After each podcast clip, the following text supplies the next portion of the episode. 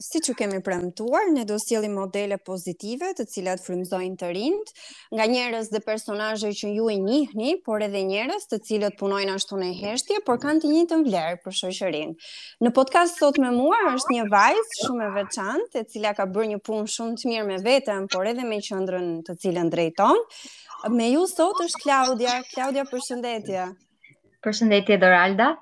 Të falenderoj shumë për ftesën. Në fakt duhet të them që është përveç se podcasti im i parë dhe unë të përgëzoj për këtë nismë duke qenë se është një risi në le të themi intervistat e kohëve të sotme, por që edhe një sipërmarrje shumë e mirë e jote dhe më bëhet shumë qefi që pata një prezantim kaq të mirë nga një vajzë po ashtu aq e suksesshme sa se sa ti.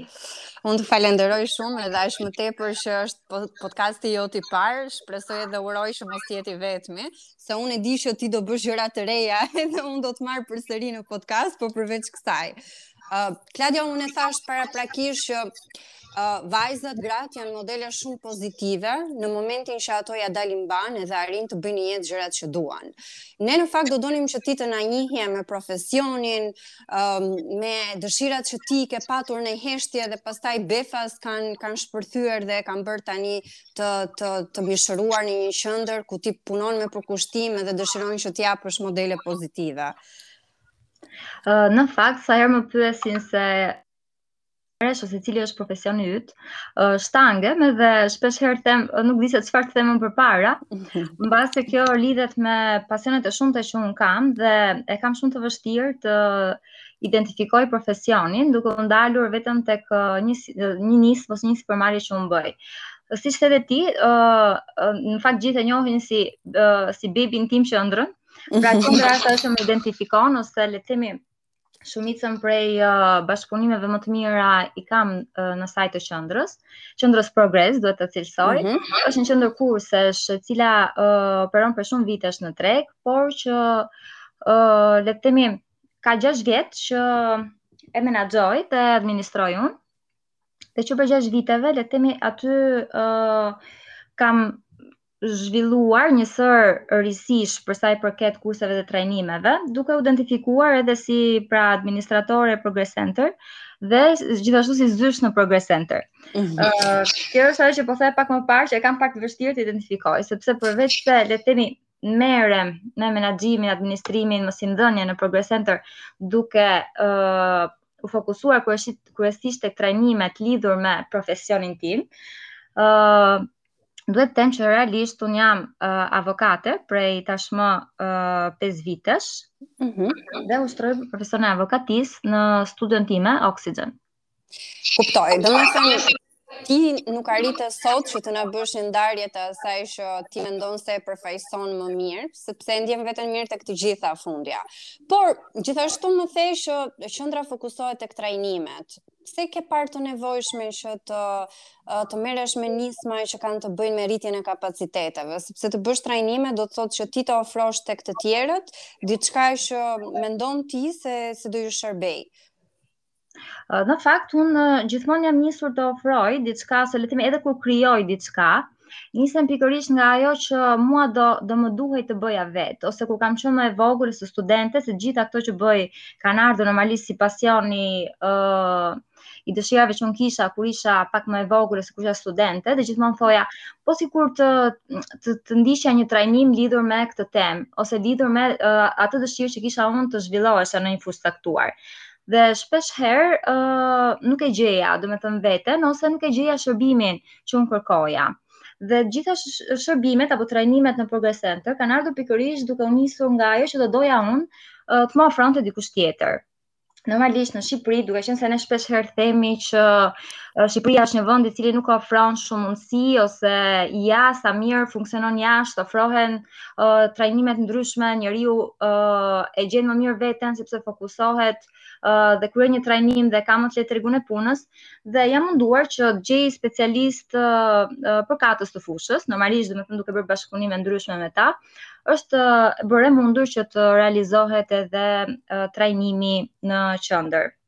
Pra, ke hasur vështirësi në në karrierën tënde, domethënë raste ku ti je je ndier um, e sulmuar, domethënë të, të kanë munguar mundësitë O ke bërë punë vullnetare, sepse nuk nuk ke ke ka qenë e mundur që ti të punësohesh diku.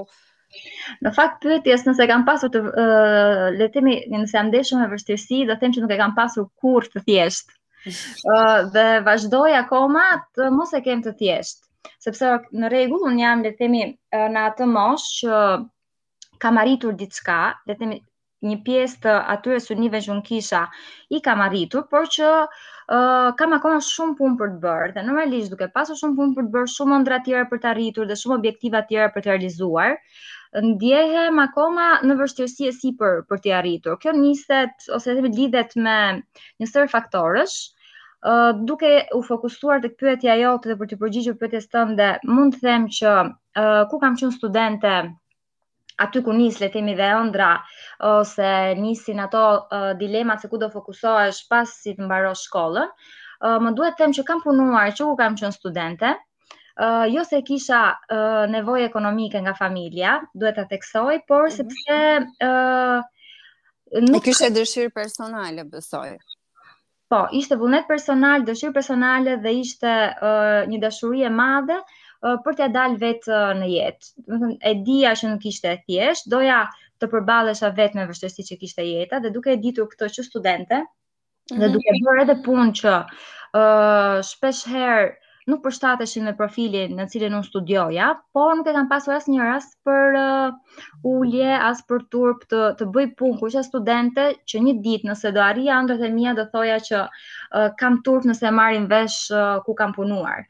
Uh, që do thotë, për mua puna, është nderi më i madh që që posedon një person, një njeri punëtor, ë uh, dhe i ndershëm, arrin domethënë uh, të njohi botën që nga poshtë dhe kështu nisin hapat dhe ngjiten shkallët më më më mirë dhe ti e di kur arrin ato maja ose le të themi ato synimet e tua, sepse maja është gjithmonë synimi që ne ne uh, tentojmë të arrijmë Kur ne themi shpesh herë gjënë që themi dua të arrij majat, nuk është se realisht kemi një stad dhe dikush na ka vendosur uh, një majë dhe ne duhet të arrijmë atë.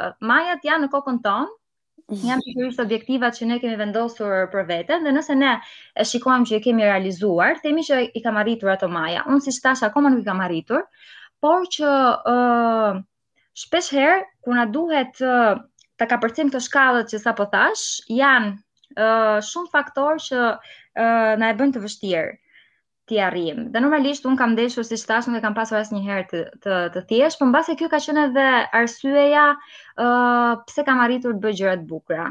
Domethënë fakti që s'e kam pasur të të thjeshtë. Po ta mbaj mend, mbaj mend në fakt një shprehje që më ke thënë që Doralda po mundohem që të gjej njerëz, pra staf dhe gjithmonë edhe më tepër më mbushet mendja për atë shprehjen punë ka po s'ka profesionistë. A do ma shpjegosh pak këtë raportin që ti has në momentin që të vijnë këto ofertat për për punë nga nga njerëz të ndryshëm dhe si është pastaj ballafaqimi me ta? Në fakt më ndodh që uh, t'ia them këto njerëzve si ti, për shembull që uh, realisht kanë arritur diçka në jetë dhe kanë mbase uh, edhe të vështirë ta kuptojnë kur e them. Uh, kur ia them personave pra që kanë arritur gjëra në jetë me vështirësi dhe ia kanë dalë, uh, ka persona që thonë po jo se ka njerëz staf, se të nisen nga nga vetja. Uh, Por realisht nuk më pëlqen ta përdor këtë shprehje politikan apo profesionist, sidomos politikan, unë me politikën nuk i kam mirë marrëdhëniet sepse nuk ë uh, nuk përfshihem fare në politikë, por që gjithsesi si shprehje ë uh, fatkeqësisht për mua qëndron ose le të themi në realitetin tim qëndron. ë uh, se më është dashur të përballem me njerëz që ë uh, lindin profesionistë në kokën e tyre, që thotë ë uh, nuk pranojnë të të marrin përsipër punë që mbase janë jo aq të kualifikuara për ato, mm -hmm. ose persona që realisht i kërkojnë uh, këto mundësi, por që e kanë shumë të vështirë të japin uh, diçka profesionalisht nga vetja e tyre. Që do të thotë ka shumë të rinj sot që thonë, duam punë ose uh, askush nuk na punëson. Dhe në momentin që ne jemi në fazën e rekrutimit, uh, ndeshim pikërisht që uh, nuk tentojnë të bëjnë asnjë uh, veprim nga ana e tyre për të qenë realisht të kualifikuar në tregun e punës që t'i përgjigjen kërkesave që ne kemi. Edhe pse unë jam përkrahëse shumë e madhe dhe kam ndihmuar gjatë rrugës time dhe vazhdoj akoma të ndihmoj dhe kjo është një gjë që më pëlqen shumë ta bëj, shumë që sapo kanë dalë nga bankat e shkollës, apo le të themi edhe persona që prej shumë vitesh prisnin mundësi të arta punësimi dhe nuk i, nuk i kanë pasur mundësitë, kam ndihmuar shumë, siç thashë, por e, jam munduar që t'i, t'i fus në atë botën time të punës dhe të vullnetit, por që shumica nuk preferojnë të sakrifikojnë. Domethënë, duan gjëra të gatshme, duan gjëra të thjeshta dhe për këtë mua më vjen keqë Dhe në fakt realiteti pasqyrohet si i tillë dhe uh, do doja që mos ta trajtonim si keqardhje, por si një formë që ne t'i nxitim të rinjtë që të reagojnë për veten e tyre. Por ti më the gjithashtu që nuk e ke patur të lehtë dhe unë e marr me mend këtë gjë duke ditur edhe realitetin, edhe kushtet, edhe gjithçka tjetër.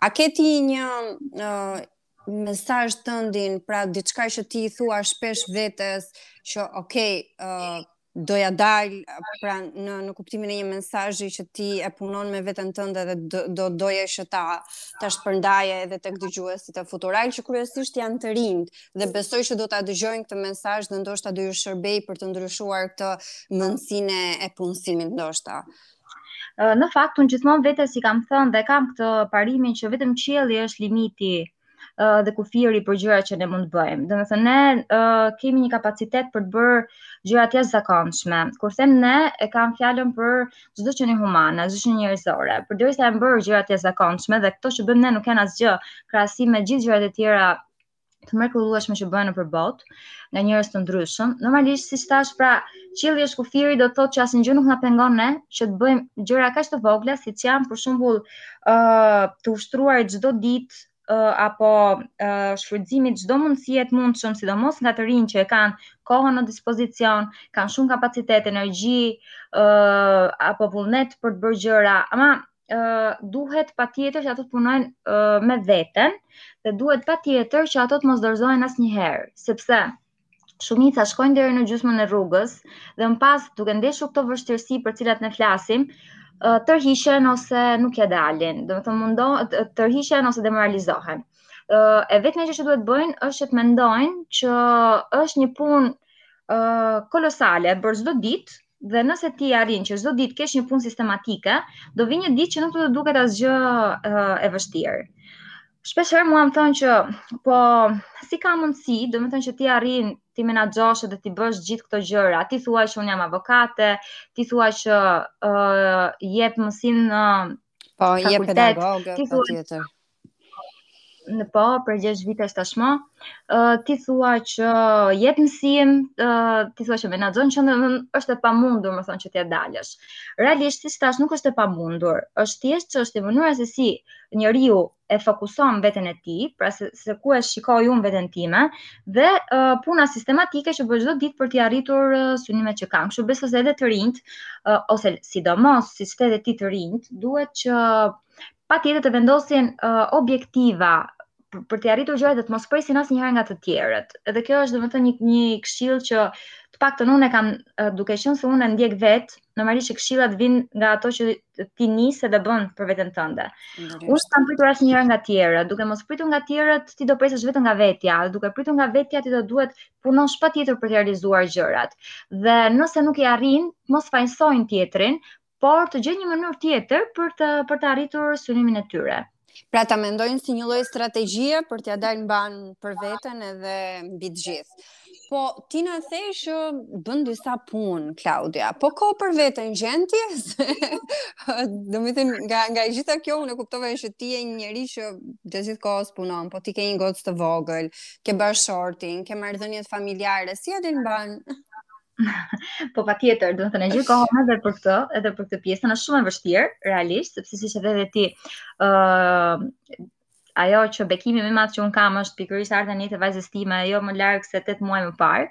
Ë, uh, por që edhe më ka shtyrë akoma më shumë, nëse deri dje mendoja që unë punoja shumë, sot uh, kam arritur limitet e mia. Do thotë që është shumë e vështirë të menaxhohet kur ke fëmijë, është e vërtetë. Këtë isha dëgjuar edhe më përpara nga nëna që më thonin, "Të shikojmë Klaudia nëse do jesh kaq aktive kur ti të bëhesh me fëmijë."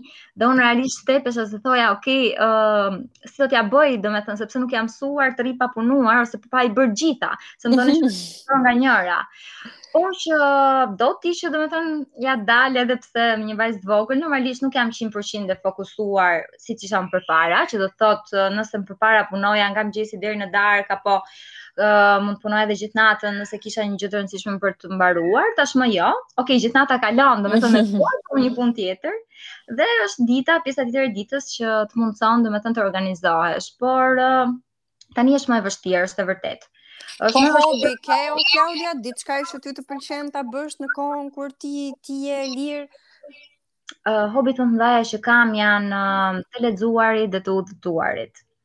Uh, këto mund ta bëj edhe me vajzën e vogël edhe duke duke bërë punë. Shpesh herë punët ose le të themi, për shembull me studion ligjore, unë kam uh, kontrata shumë të mira me uh, ndërkombëtarët, uh, sepse në fushën e konsulencës le të themi jam uh, jam shumë e mirë tek pjesa e konsulencës dhe më ka ndihmuar që duke shfrytëzuar këtë hobin tim për të udhëtuar, shpesh herë kam udhëtuar për të punuar dhe në këtë formë është krijuar dhe hobi bashkë me punën njëkohësisht. Pra, si gjithmonë të pashkëputura nga njëra tjetra. A ke një vend të preferuar, një shtet, një një udhëtim që ti e mban mend për disa arsye?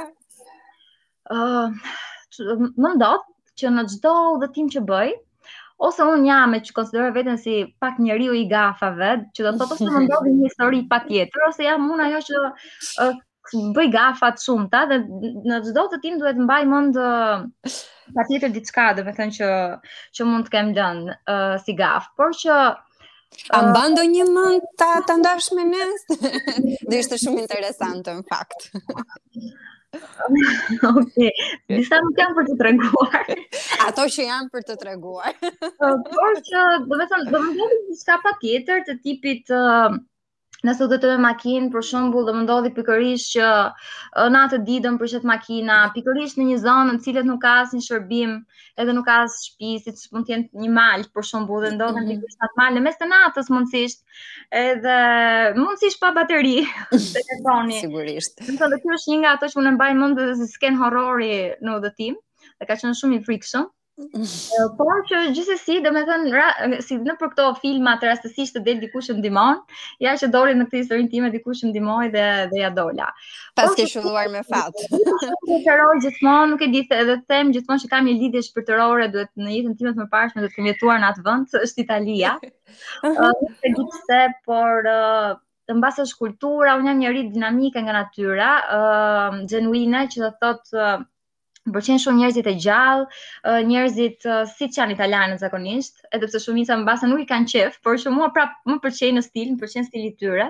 Pëlqen shumë ushqimi që ato ka, natyra, vendet e bukura, historia që ka Italia. Domethënë duke qenë se ndërthuren gjitha bashkë, është shteti që un realisht preferoj dhe kam miqësi shumë të mira. me italianët. Ke bërë ndonjë plan për pushimet? Domethënë një vend që ti e ke, e ke menduar se mund të kalosh pushimet e 2021-shit? Uh, unë jam njeri që bëj plane, duhet ta them. Ë, mami më thotë gjithmonë që mos bëj plane, nuk është mirë. Por që unë sërish vazhdoj të bëj plane, unë nuk mund të jetoj dot pa bërë plane.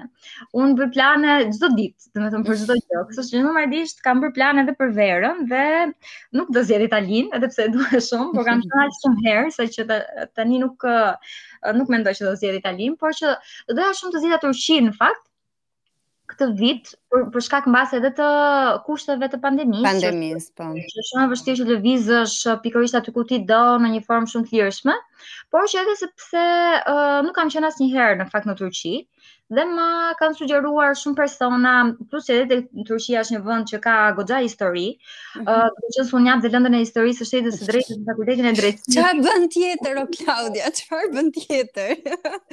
Ëh, uh, un jam tipi që them nëse ka diçka për të bërë, e kam shumë vështirë të them jo. Është një një shprehje që thotë 16 gjëra që duhet bësh para se të shkosh 60 vjeç dhe nga këto 16 gjëra është që ti duhet ti duhet të mësosh thuash jo. Problemi domethënë është që unë akoma nuk po mësoj dhe më duhet një trajnim, uh, dikush të më thotë dhe të më mësoj se si të them jo. Ju lutem ma mësoni Klaudin, nëse dikush është duke na dëgjuar, të thotë jo, po te ky trajnimi duhet të futem dhe unë Klaudia, se kam probleme me jonë. Uh, ne, ne të dyja nuk e kemi kuptuar, por që jemi në fund të podcastit dhe uh, nuk e di si kaluan minutat edhe unë të falenderoj për gjithçka që ndave me ne. Nuk e di nëse ke diçka në fund për të, për të shërbyer si një mesaj apo si diçka që ti dëshiron ta ndash me, me ne. Mendoj se minutat kaluan kaq shpejt sepse unë nga natyra mbahem si llafazane dhe nuk e besoj. Fola shumë, por që uh, realisht nuk më ndodh me të gjithë njerëzit, më të, më ndodh vetëm me persona si ti që je gjithmonë shumë pozitive. Faleminderit. Uh, dhe kjo është arsyeja pse unë realisht po e bëj këtë podcastin. Nëse do të kisha pasur dikë tjetër, nuk do e kisha bërë kurrë sepse aq sa jam natyrë dinamike, nuk, jam dhe natyrë pak private, nuk më pëlqen mm -hmm. të që të flas në publik. Por e bëre për një kauzë të mirë, ëh, se ne po reklamojmë modelet pozitive, kështu që ku ka më mirë se sa një model i një vajze gruaje pozitive për t'u ndarë me me të tjerët. Uh, unë në fakt mesazhi që jap siç thashë është që uh, sidomos të rinjtë, ë uh, të mos mendojnë që sepse ato e kanë problemi, problemi më i madh do të thotë qëndron tek të rinjt për, për mendimin tim. Mhm. Dhe uh -huh. kjo gjë duhet të, të ndryshojë pikërisht nëse nis nga vetja. Pra du, duke nisur dhe uh, duke fokusuar tek vetja shumë dhe duke mos fajësuar të tjerët për vështirësitë që na përball jeta, duke menduar që jeta është sa e gjatë, aq edhe e shkurtër, ë uh, duhet lëvizin dhe duhet ta duan shumë jetën. Domethënë nëse ti e don shumë jetën, dhe atëherë dhe e, dhe hedh të, të gjithë energjinë dhe dashurinë tënde për jetën në gjërat që ti bën, atëherë patjetër që do t'ia dalësh. Nëse çdo gjë pra e bën me dashuri dhe me dëshirë, ë uh, ja, do të jesh e Claudia, unë të falenderoj shumë dhe të uroj punë të mbarë dhe sa më tepër kohë për veten. Patjetër. Faleminderit edhe ju dëgjues të, të futural, do shihemi përsëri, do dëgjohemi përsëri në podcastin e radhës, deri atëherë me një personazh të ri. Faleminderit.